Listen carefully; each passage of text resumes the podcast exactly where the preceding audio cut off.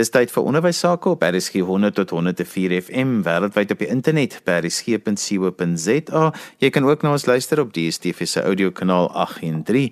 Die program is ons in die onderwys saam met my Johan van Lille.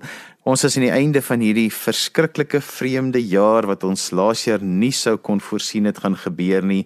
En ek dink dit is tyd dat ons tog 'n bietjie moet terugskou neem op die jaar en kyk waartoe is ons. My gaste vandag is Paul Kolditz en Rihanna Vos en hulle is albei betrokke by FETSAS en ek wil graag by hulle weet waartoe is ons alles hierdie jaar. Paul, kom ons begin by jou. Ons wat om vroeg in die jaar, dit was 'n vreemde jaar. Ja, nee, inderdaad, eh, goeiemôre Johan en goeiemôre aan die luisteraars. Dit was 'n baie vreemde jaar soos jy heeltemal reg gesê het, totaal en al onvoorspelbaar dat ons maande lank uh, in, 'n situasie sou sit waar skole gesluit was. Dis net 'n baie baie moeilike jaar gewees vir baie sektore, maar in besonder ook vir die onderwyssektor en dan natuurlik skole en universiteite en die leerders en studente wat daardeur geraak is onderwysers wat konfronteer is met 'n situasie waarvoor hulle nie voorberei was nie dat hulle skielik moet aanlyn klasse gee. Skielik het onderwysers uh, deskundiges geword met die gebruik van uh, tegnologie, iets wat uh, in die verlede nie nie moontlik was nie. En dan natuurlik die ekonomiese insinking eh, wat daarmee gepaard gegaan het met die Grendelstaat, die inperking, ouers wat hulle werk verloor het, baie mense wat hulle werk verloor het, ook onderwysers in beheerliggaamposte en ander mense in beheerliggaamposte. En uh en en skole wat inkomste verloor het, uh letterlik uh dink ek miljarde rande as 'n mens dink aan fondsinsamelingspogings wat uh, gekanselleer moes word uh, ouers wat nie skoolgeld betaal het en ook nie kon betaal het nie so drastiese effek gehad op uh, onderwys. Maar ek dink ons is daardeur en ons is uh terugskouend moet 'n mens ook sê dat uh hierdie was 'n wekroep. Hierdie was 'n wekroep vir die onderwysstelsel in geheel. Maar laat ek eers uh, daar ophou en dan vir Rihanna ook kans gee om haar siening te gee.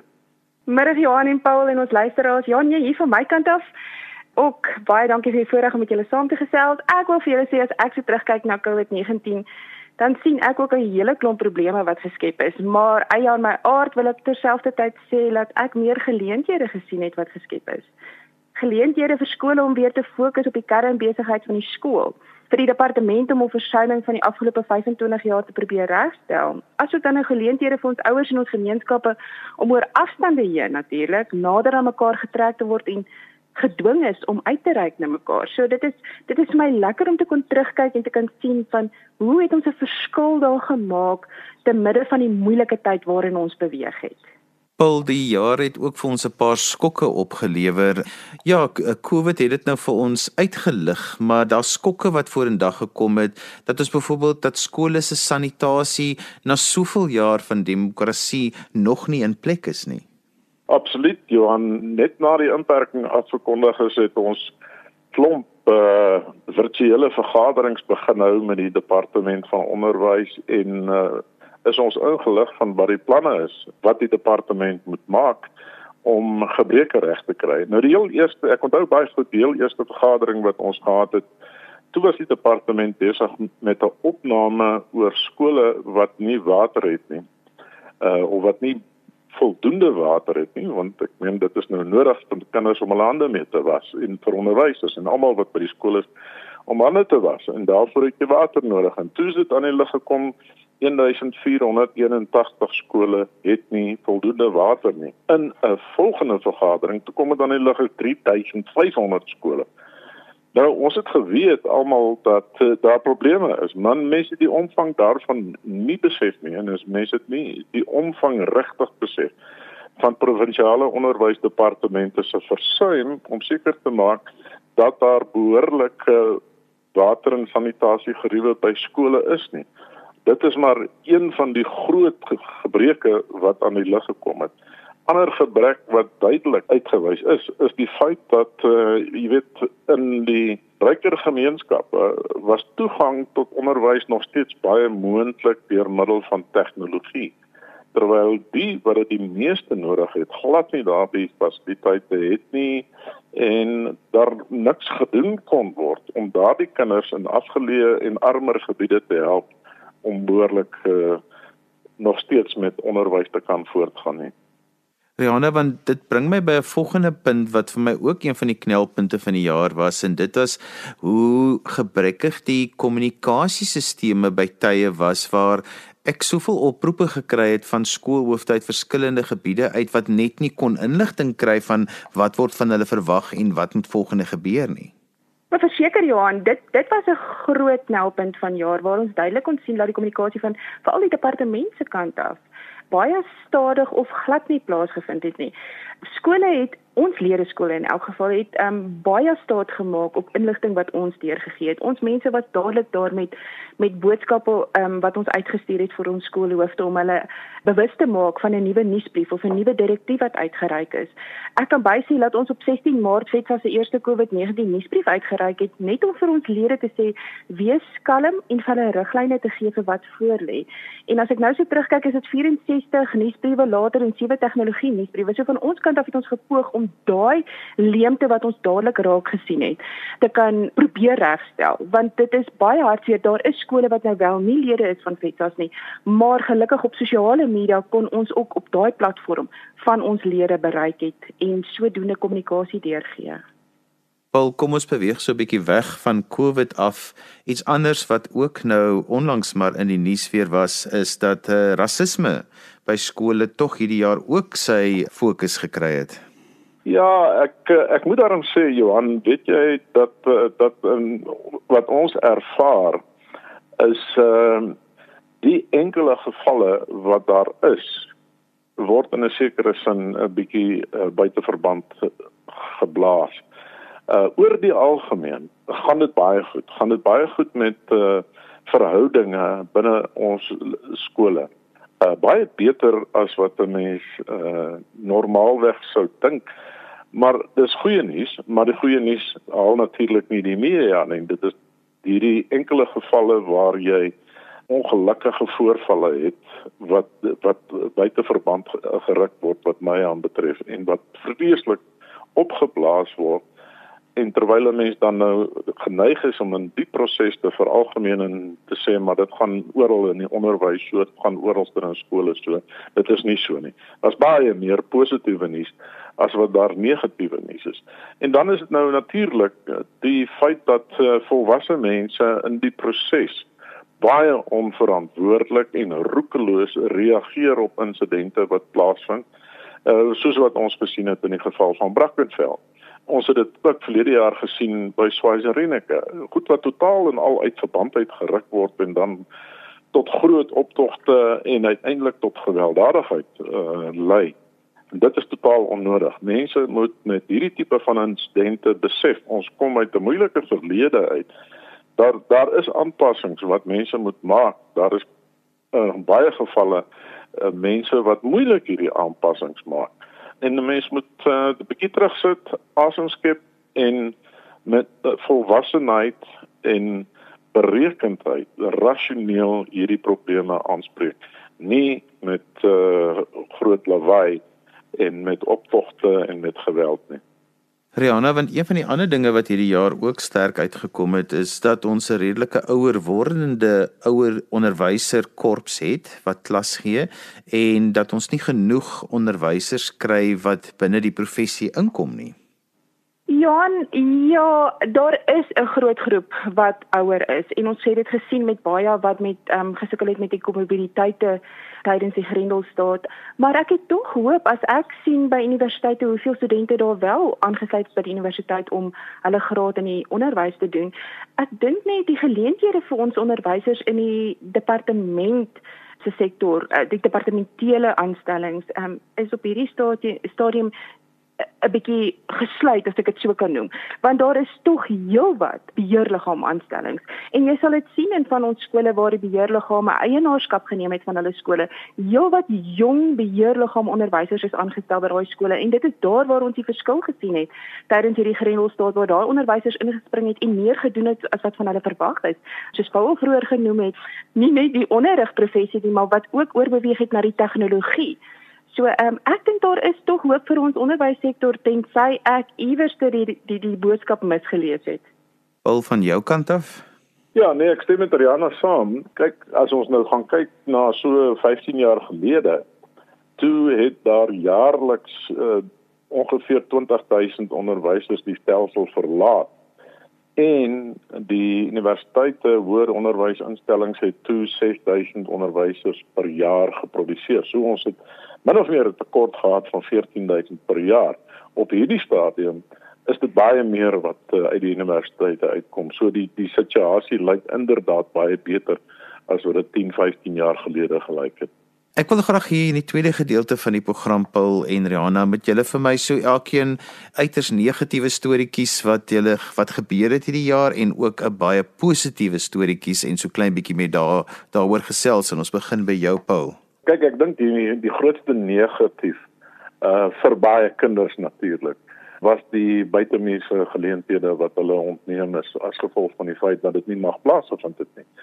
So uh, daar's baie uh leerders wat sekerlik die vooruitsig gehad het om hierdie jaar vir 'n kruiwenweek uh, te kan speel of ten minste uh, die skool se eerste span te haal of op ander sportgebiede en en kulturele gebiede wou presteer het hulle talente wou ontwikkel en en tentoonstel en op daardie manier dan nou seker seker sekerlik ehm uh, beurse kry om verder te gaan studeer of uh, om selfs oorsee te gaan verder studeer of uh, aan sport deel te neem of professionele sportlei te word. So dit dit dit dit, dink ek is die groot negatief die hele buitekurrikulêre program sport, kultuur, sosiale aktiwiteite soos matriekafskryde wat altyd vir leerders en matrieke hoogtepunt is. Dit is die groot negatief sou ek sê.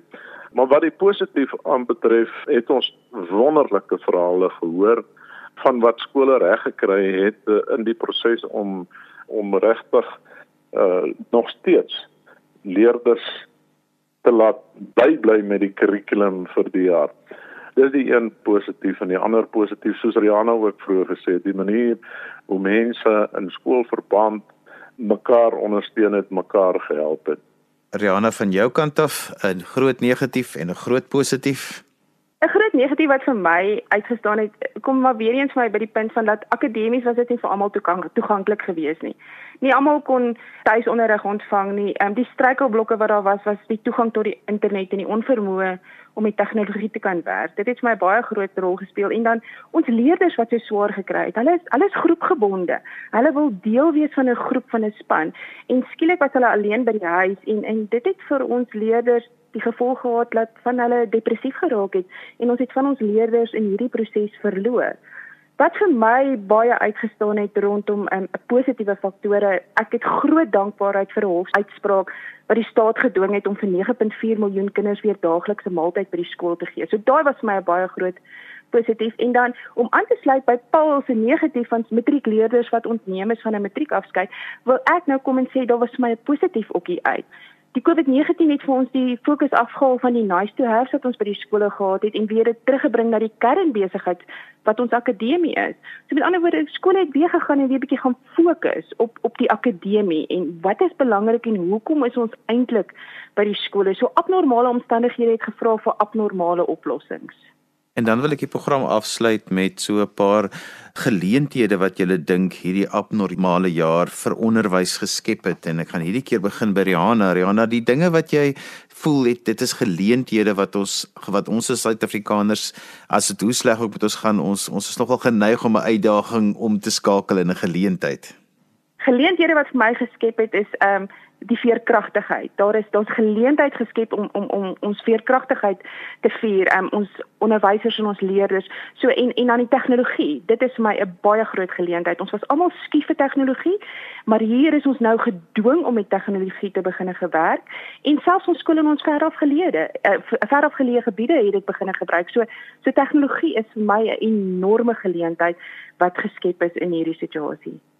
Paula vir jou Ja, uh, Johan, uh, die die groot geleentheid wat ek hierin sien is om regtig te gaan kyk na grondige hervorming van die totale onderwysstelsel. Ons onderwysstelsel is massief. Daar's 12 miljoen, 13 miljoen leerders in die stelsel, daar's 400 000 onderwysers. So so 'n groot stelsel beweeg baie stadig. Maar hierdie was 'n werkgroep. Hierdie was 'n werkgroep om te gaan kyk is die manier hoe ons skool aanbied, hoe ons skole hou, nog toepaslik vir 'n uh, 21ste eeu se vierde industriële revolusie. Ons skoolstelsel is nog baie gebou op die eerste industriële revolusie, nywerheidsrevolusie waar fabrieke en die goed tot stand gekom het en kantoorwerkers ehm uh, en skielik sit ons nou met uh, die situasie wat ons besef, maar mense kan van die huis af werk uh, leerders kan by die huis weer. So ons moet uh, gefokus werk daaraan om seker te maak dat ons die geleentheid wat geskep is deur die nuwe kennis wat ons opgedoen het, die nuwe ervaring wat ons gehad het, suksesvol omskep word in 'n beter onderwysstelsel wat regtig by elke kind in die land kan uitkom. Ek wil ook graag by elkeen van julle hoor, wat was die interessantste ding wat hierdie jaar oor julle tafels gekom het, wat julle gedink het dit sal ooit oor my tafel kom wat ek moet hanteer nie? Ja, Johannes, ek kan begin. die waarskynlik die inter interessantste en insiggewende ding is ek kan van die huis af werk net so suksesvol soos wat ek uh, van 'n kantoor af kon gewerk het. Um, en die toekoms is uh, vir ons in ons organisasie dat ons voortaan almal van die huis af van werk en dit baie meer suksesvol kan doen as wat ons in die verlede te werk gegaan het deur fisies na mense toe te gaan deur fisiese vergaderings te hou. En so aan nou bereik ons baie meer mense. Baie interessante verwikkeling in my lewe. Ja en ehm um, daar is daar se magdom maar ek dink aan iets interessants wat wat vir my uitgestaan het ook is is die feit dat skole inisiatief aan die dag gelê het. Ehm um, ek meen hoe lekker is dit nie om weer in 'n inry teater te kan wees nie. En skole het daai aangegryp en weer inry teaters geskep by hulle skole. So daai het vir my uitgestaan buiten vir die feit dat ek die voorreg gehad het om weer by my huis te kan wees, ehm um, soos Paul genoem het, van my huis af te werk met my kinders saam te wees. Daai ek dink in kort sal ek sê was daai vir my die interessantheid wat uitgestaan het. Dan die belangrikste ding vir my in die jaar is is die, die nekslag en die terugslag wat die vroeë kindonderwys beleef het hierdie jaar. Ek is baie bekommerd daaroor want ek dink ons gaan daai effek nog vir die volgende 10 jaar voel Paul want dit is so 'n belangrike fase en dit voel vir my al die ander dinge is aan die herstel maar daar het ons nog groot probleme. Ek stem 100% saam met jou Johan. Uh en dit was een van die goed wat ons uit die staanspoor uit vir die minister gesê het. Uh, uh matriek is belangrik. Maar dit is dalk nog belangriker om op die grondslagfase te fokus op die voorgraad voor voorskoolse kinders en op die in die uh in die grondslagfase graad 1, 2 en 3. Want dis waar die grondslag gelê word. En as daardie grondslag nie reg is nie, gaan daardie kinders vir 12 jaar plus die nadeel daarvan ervaar. En ek is bevrees daardie grondslag het hierdie jaar baie meer skade gelei as as enigiets anders en ons gaan daai skade uh, vir ten minste 12 jaar nog sien. Verseker Paul, vir al die kinders so klein is op daai stadium, dan voel jy eerder my kind terugstuur nie. So daar is heelwat ouers wat ek van bewus is wat net besluit het hulle stuur nie meer hulle kinders na 'n uh, se groepie toe nie of dan nou selfs van die graad 1 kinders wat hulle begin het met tuisonderrig en ek wil nie tuisonderrig as sleg afmaak nie maar dit is vir my so hartseer vir die kinders wat aan die begin van die jaar daai blootstelling gehad het en skielik teruggeruk is En daarmee het ons gekom aan die einde van vandag se ons in die onderwys en so ook gekom aan die einde van ons onderwysjaar. Ek hoop almal het 'n heerlike oujaarsaaand en dat ja, ons moet maar die jaar so afsluit soos wat ons hom deurgegaan het. Onthou jy kan weer na vandag se program luister as 'n potgooi, laai dit af by resgep.co.za. Skryf gerus vir my e-pos by Johan@wwmedia.co.za. Volgende week gesels ek met Paul Kolditz en Rihanna Vos oor alles wat vir ons voorlê hierdie jaar en dan vir ons skole is dit 'n besige jaar wat voorlê. So ek sien uit na daardie gesprek. So volgende Sondag om 04:30 skakel asseblief weer in. Dan gesels ons oor alles wat in 2021 vir ons voorlê. daarmee groet ek dan vir vandag tot volgende week van my Johan van Lille. Totsiens.